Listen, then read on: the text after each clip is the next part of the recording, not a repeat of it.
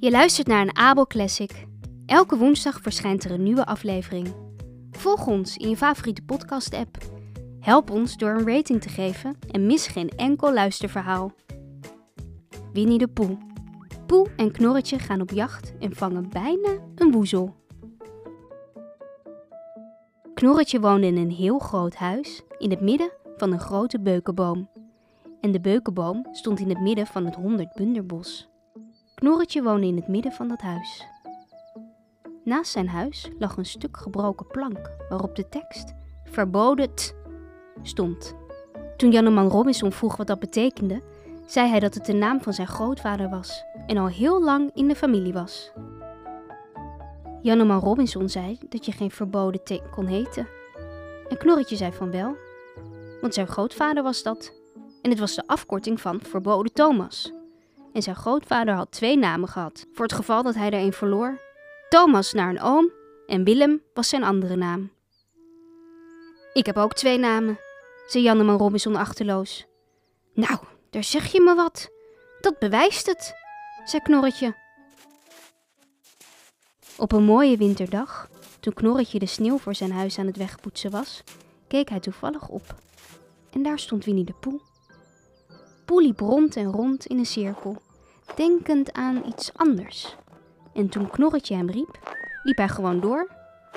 Hallo? Hallo? zei Knorretje. Wat ben je aan het doen? Jagen, zei Poel. Jagen op wat? Iets opsporen, zei Winnie de Poel heel geheimzinnig. Wat opsporen? zei Knorretje dichterbij komend. Dat is precies wat ik mezelf afvraag. Ik vraag me af. Wat? Wat denk je dat je zult antwoorden? Ik weet het nog niet. Ik zal moeten wachten tot ik het inhaal, zei Winnie de Poel. Nu, kijk, daar.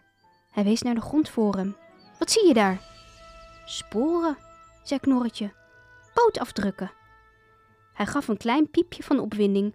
Oh, Poe, denk je dat het een woezel is? Het kan zijn, zei Poe. Soms is het zo en soms niet. Je weet het nooit met pootafdrukken. Met deze paar woorden ging hij verder. En Knorretje, die hem een minuut of twee van een afstandje bekeek, rende achter hem aan. Winnie de Poel was plotseling tot stilstand gekomen en boog zich verbaasd over de sporen. Wat is er aan de hand? vroeg Knorretje. Het is heel grappig, zei de beer. Maar er lijken nu twee dieren te zijn. Deze, eh, wat het ook was, heeft gezelschap gekregen van een andere, wat het ook is. En die andere twee gaan nu samen verder. Zou je met me mee willen gaan, Knorretje? Voor het geval het vijandige dieren blijken te zijn?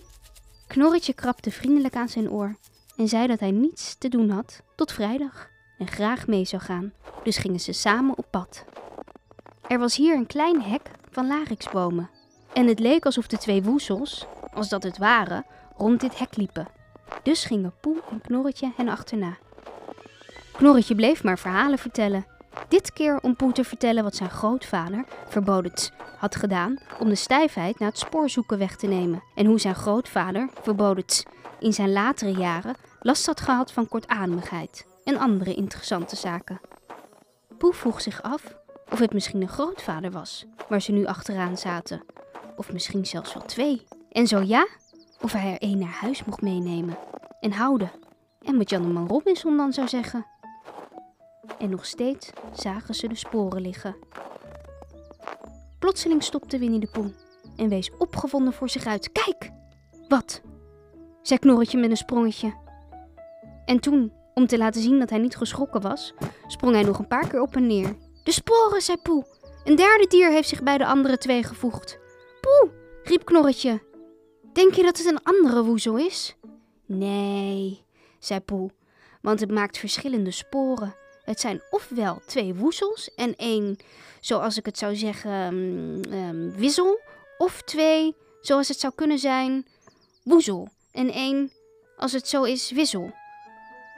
Laten we ze blijven volgen. En zo gingen ze verder, nu een beetje ongerust, voor het geval dat de drie dieren voor hen vijandige bedoelingen hadden. En Knorretje wenste heel graag dat zijn grootvader daar was, in plaats van elders. En Poe bedacht hoe leuk het zou zijn als ze Janneman Robinson plotseling heel toevallig tegenkwamen. En alleen omdat hij Janneman Robinson zo aardig vond. En toen, plotseling, stopte Winnie de Poe weer en likte het puntje van zijn neus af. Want hij voelde zich warmer en angstiger dan ooit in zijn leven. Er stonden vier dieren voor hen. Zie je dat, knorretje? Kijk, kijk naar hun sporen. Drie, als het ware, woezels en één, als het ware, wissel. Een andere wissel heeft zich bij hen gevoegd. En zo leek het. Daar waren de sporen die elkaar hier kruisten, daar met elkaar verward raakten, maar af en toe duidelijk de sporen van vier paar poten. Ehm, ik denk, zei Knorretje, toen hij ook het puntje van zijn neus had gelikt en merkte dat het weinig troost bracht. Ik, mm, ik denk dat ik me zojuist iets bedenk. Uh, ik herinner me iets dat ik gisteren vergeten ben en morgen niet meer kan doen. Dus ik denk dat ik echt terug moet gaan en, en het nu moet doen. We doen het vanmiddag. En ik ga met je mee, zei Poe. Um, ja, het is niet het soort ding dat je smiddags kan doen, zei Knorretje snel.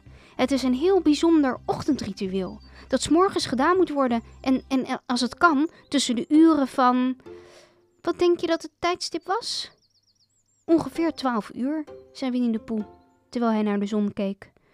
Tussen, zoals ik zei, twaalf en twaalf uur vijf. Dus echt, lieve oude Poe, als je me wilt excuseren. Wat is dat? Poe keek naar de lucht en toen hij het gefluit weer hoorde, keek hij omhoog in de takken van de grote eik en toen zag hij een vriend van hem. Het is Janneman Robinson, zei hij.